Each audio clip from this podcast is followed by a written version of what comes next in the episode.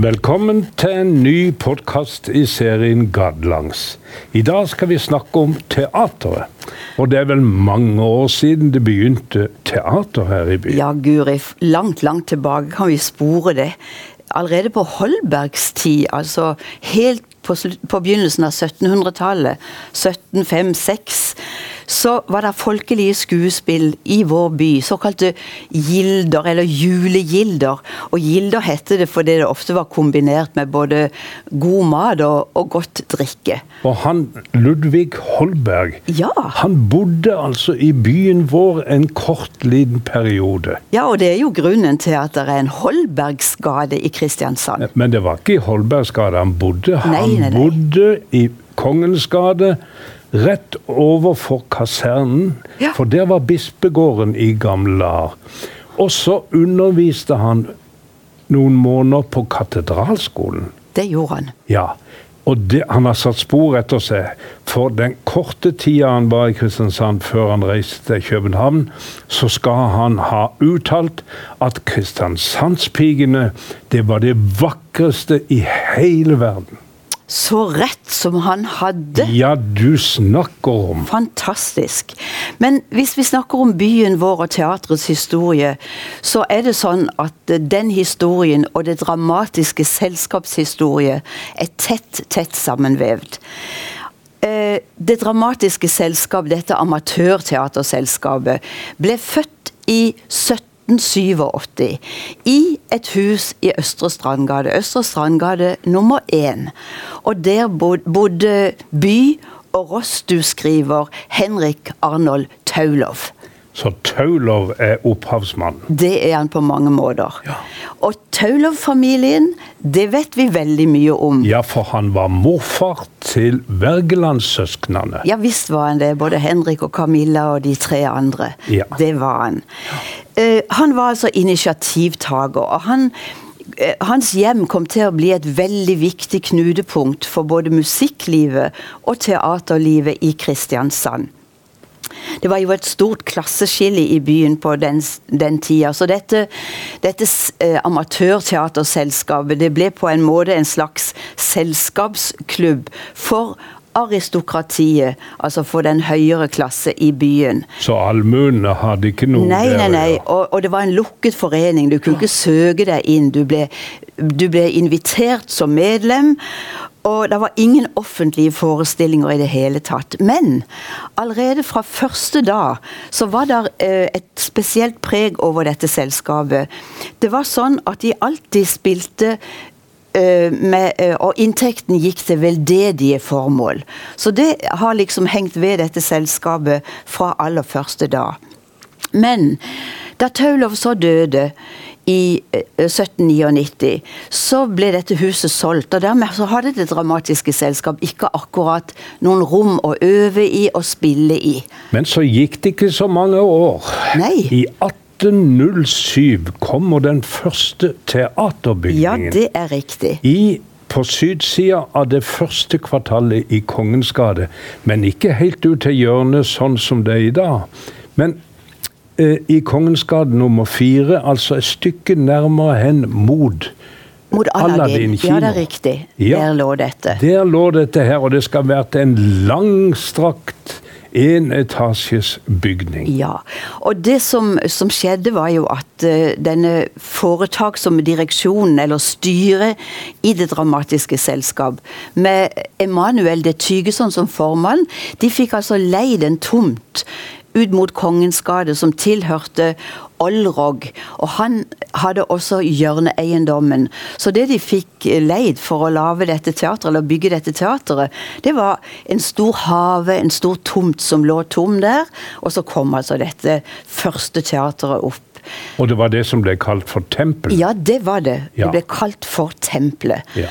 Og det var ikke noe tempel å se til utvendig. Det var tegnet av uh, ingeniørkaptein Benoni d'Aubert, og han var også onkel til disse Wergeland-søsknene, gift med en annen datter av Taulov. Men du, han, det, det Tygeson, var det han som eh, stiftamtmann Ja, som lagde broa over til Lund? Ja visst var det vel det. Det er jo han som har gitt navn til den. Ja, og det forteller jo også om det aristokratiske preget som uh, dette selskapet hadde i starten.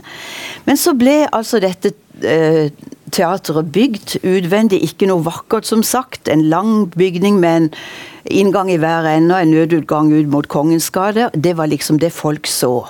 Men når en kom inn i teatret, så var det veldig hyggelig forteller skriftlige beretninger. Sto du i parkett, og der sto man forresten. Det var ikke stoler der, og det var der herrene skulle være. Damene var forvist til en balkong litt Jaha, høyere oppe. Så det var forskjell? Det var der.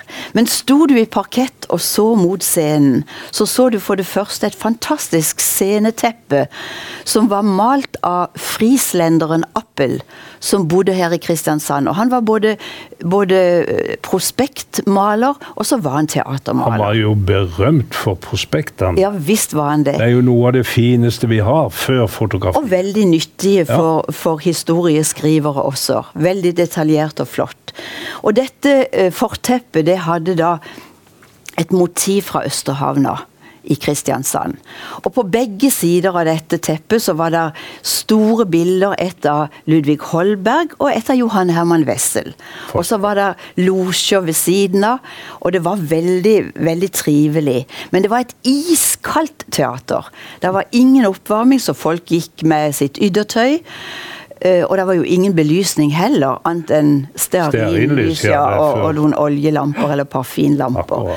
Så alle de tingene var primitive. Men eh, den godeste Olrog, som hadde leid i tomta til dette teatret, han sa dere skal få leie det på ubestemt tid, denne tomta, mot at dere sørger for å spille en forestilling i året. Og han var med på å sørge for at det dramatiske selskap faktisk fikk leve videre. Ja. Men så gikk jo årene, Ja visst gjorde de det. og så kommer vi til det der skjebnens år 1892. Ja, men før det må vi kanskje ta med oss det der eh, midt i det århundret. For da ble teatret renovert. Og- Og da skjedde det noen sånne revolusjonerende ting. En ting var at det kom inn stoler i parkett og sånne ting. Men det som eh, var litt spesielt, det var at damene de ble henta ned fra galleriet. Å, du Og kunne sitte sammen med herren i parkett. Og det var lov å, å, å ha applaus i teatret. Det hadde det aldri vært tidligere. Og så ble det åpne forestillinger.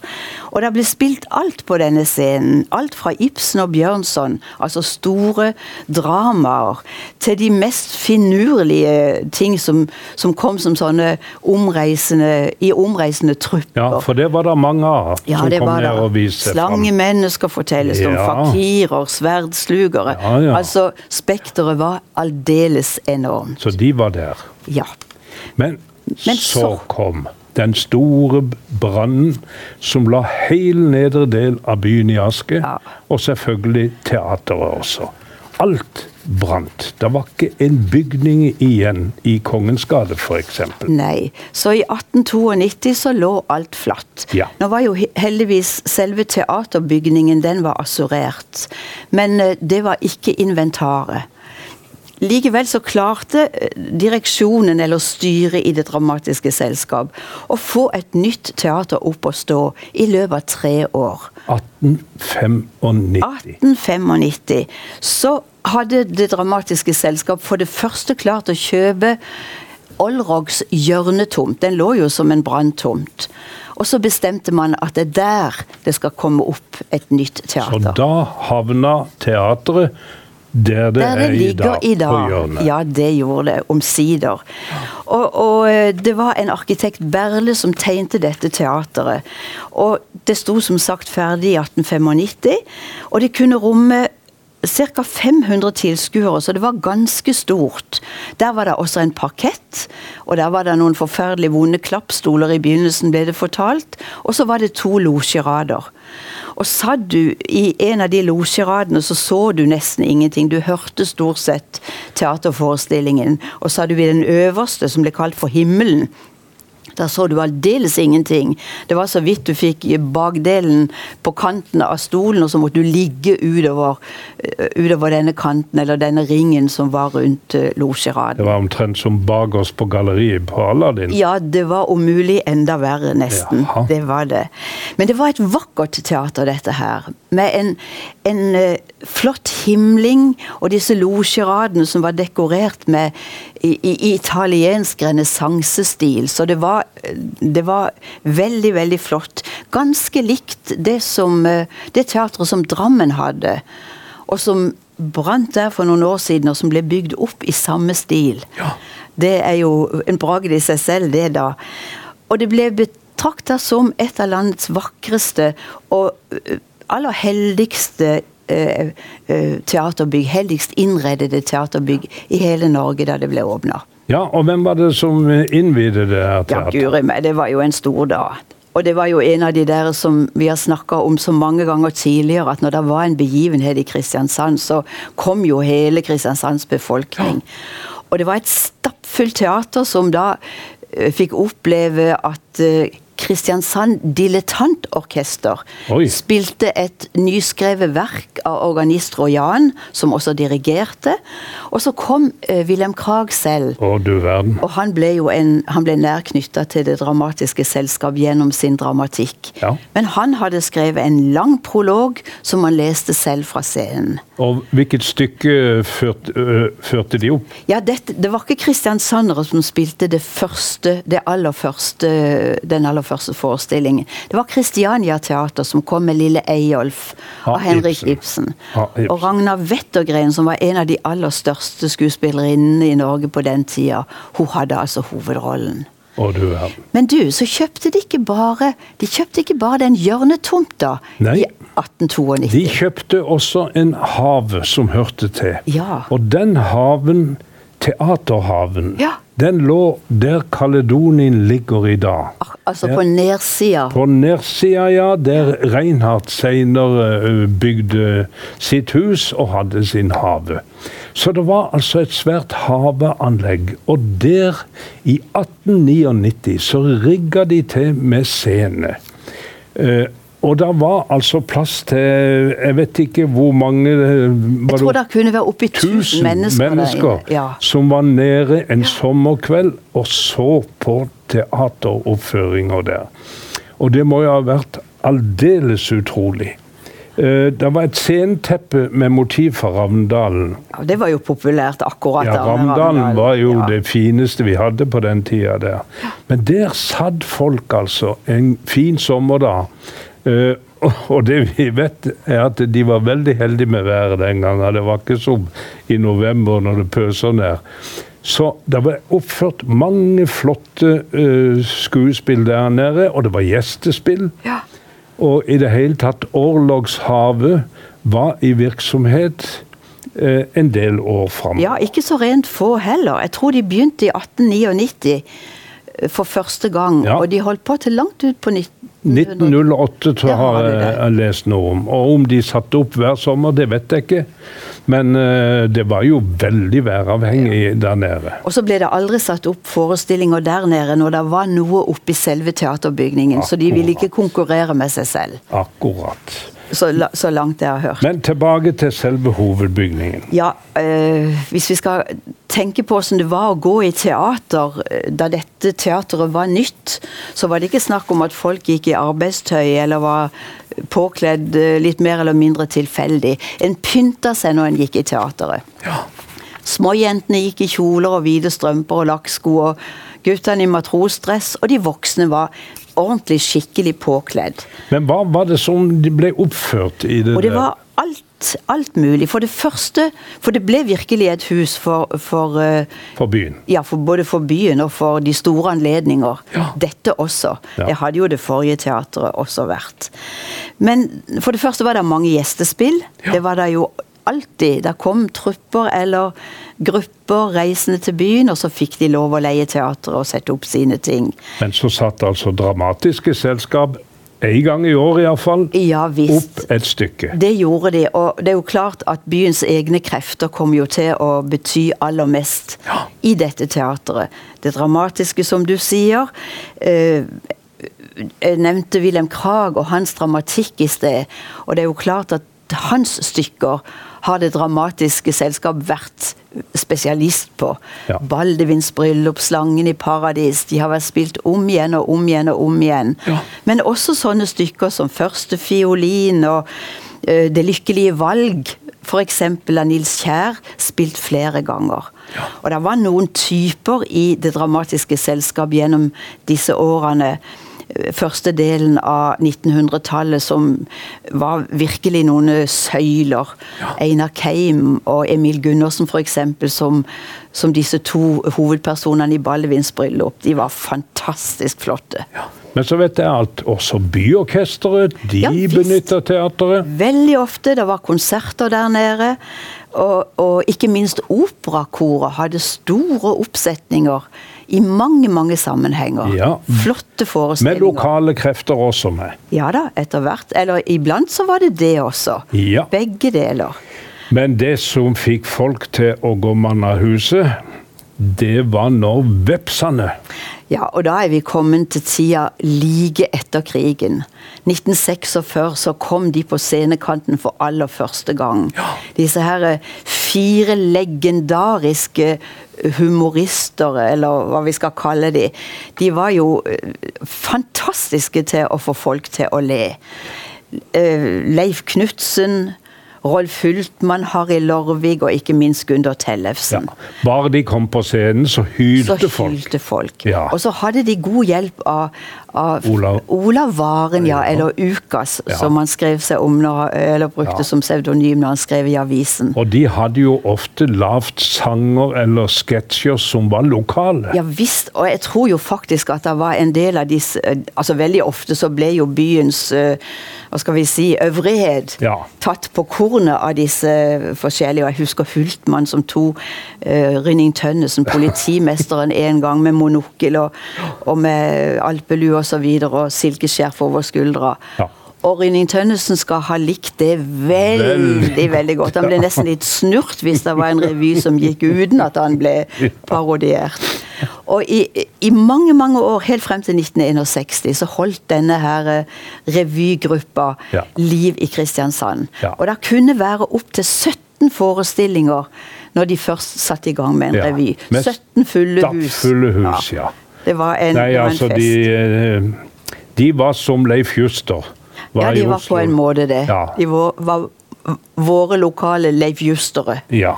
Men så var det jo også noe i forbindelse med 17. mai og russe... altså, Iallfall en periode så, var det, så inntok russen teateret Mm. 17. mai. Og da fortelles det at rødrussen gjerne satt foran på de forreste benkene, blårussen litt lenger bak, og det ble liv og røre for de utveksla rop og så videre, og russesanger.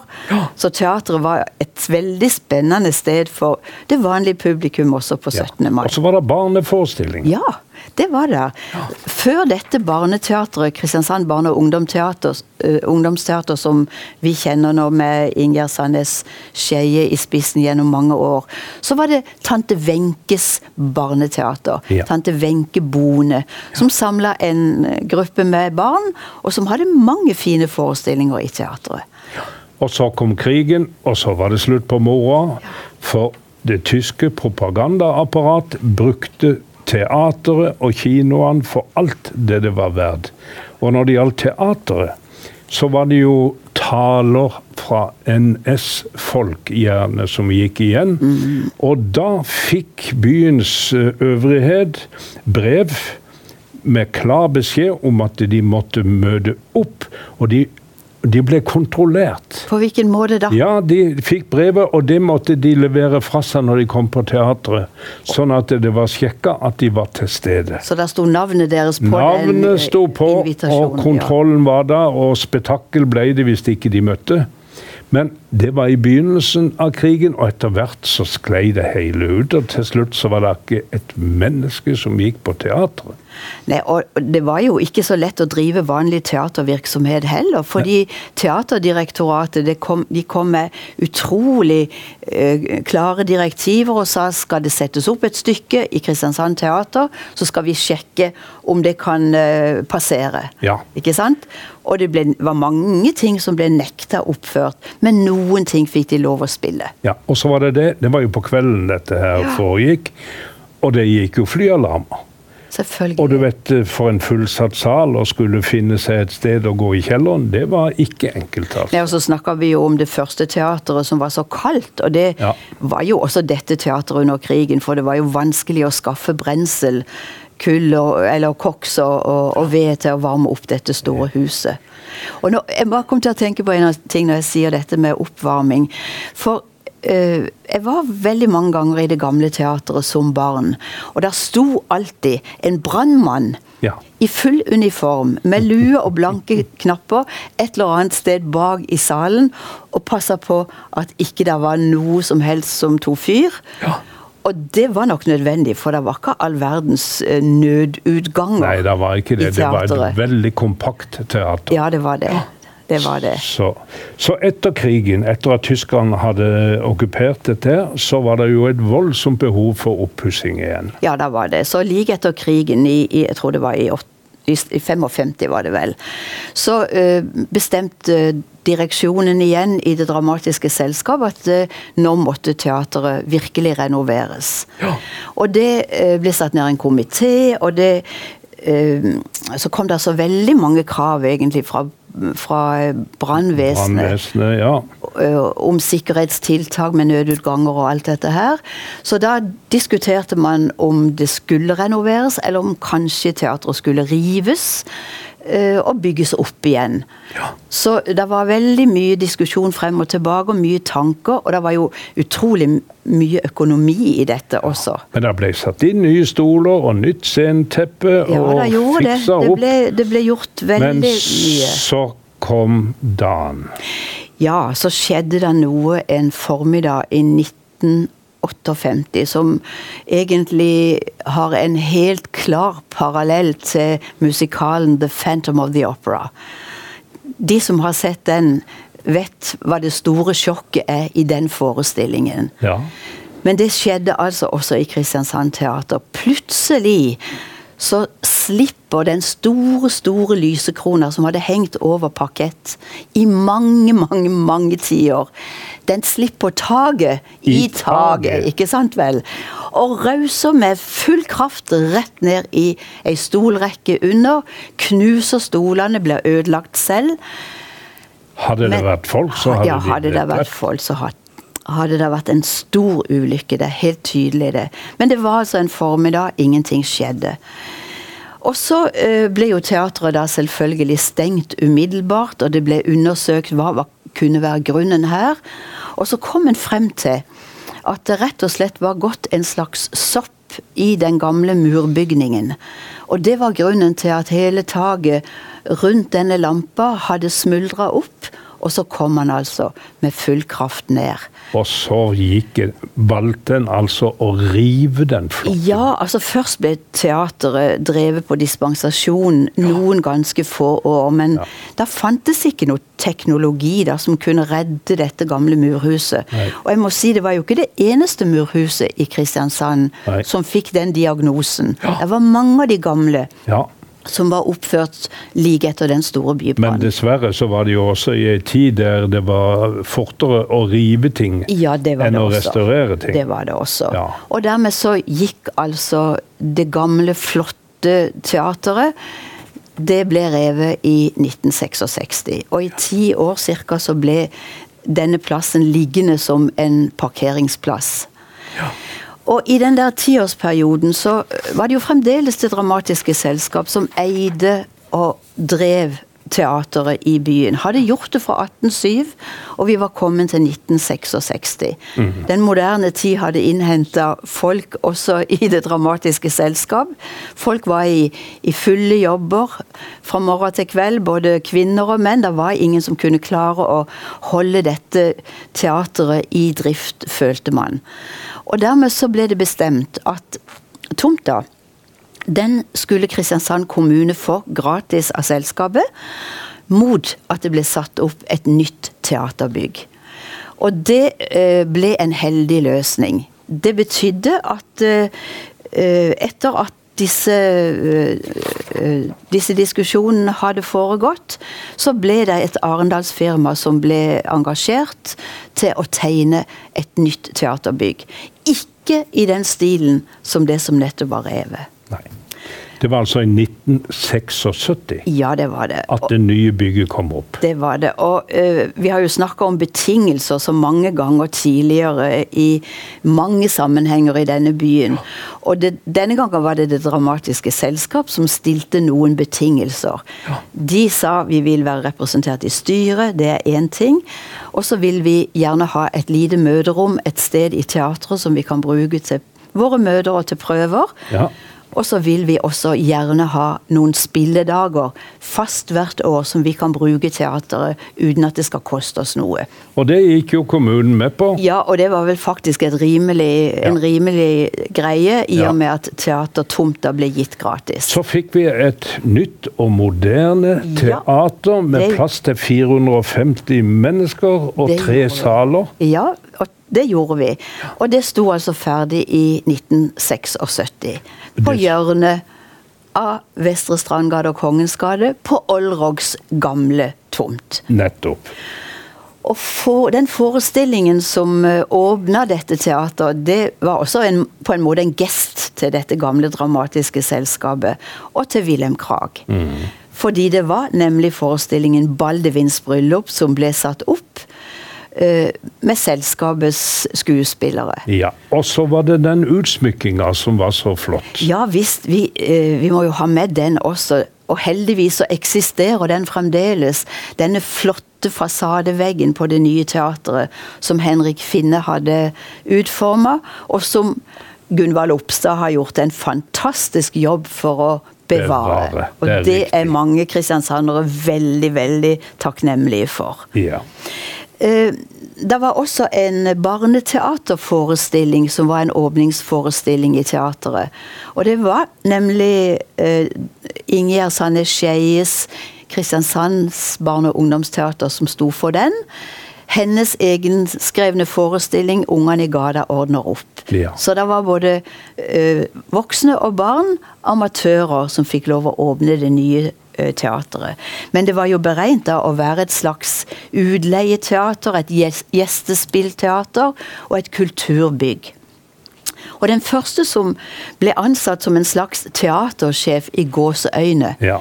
det var Alf Huseth. Han var utrolig flott. Ja, han ble pott og panne i det bygget. Han var ingen teatersjef, han var tilsatt som teknisk sjef. Ja. Men han fungerte i alle fall som det ansiktet utad, og som den som klarte å sørge for at det kom gjestespill, og det kom forskjellige uh, kulturtiltak til dette bygget, som Kristian kristiansandere kunne ha glede av. Ja. Men så, i 1991, så um, kommer Agder Teater som en institusjon til byen. Ja. Eh, eh, fire år senere så ble det faktisk også et regionteater. Og dette teateret flytta inn i hjørnebygget, som til da hadde hett Kristiansandsteater. Ja. Og her har det vært uh, figurteater med Gjert Werring. For eksempel, og det har vært uh, ordentlig skikkelige selvproduserte dramastykker som er blitt ja. satt opp. Barneteaterforestillinger som vi snakka om. om ja, ja. Og Operaens venner, ikke minst, med Mette og Bjørn Sjoda. De hadde jo noen fantastiske forestillinger. Og så husker jeg spesielle forestillinger som uh, musikalen Tørst der Asbjørn Arntzen lagde en del musikk. Ja visst, han var jo en nøkkel der, og det var han jo også i like. julespillet 'Like til Betlehem', som gikk over Tilje der i mangfoldige sesonger. Ja, Men tida gikk, og selv det nye teateret fra 1976 ble for trangt og for lite. Ja, og det ble nedslitt. Det gjorde jo det. Så de, da ble det satt ned uh, arbeidsutvalg og komiteer som skulle diskutere et nytt teaterbygg et sted i Kristiansand.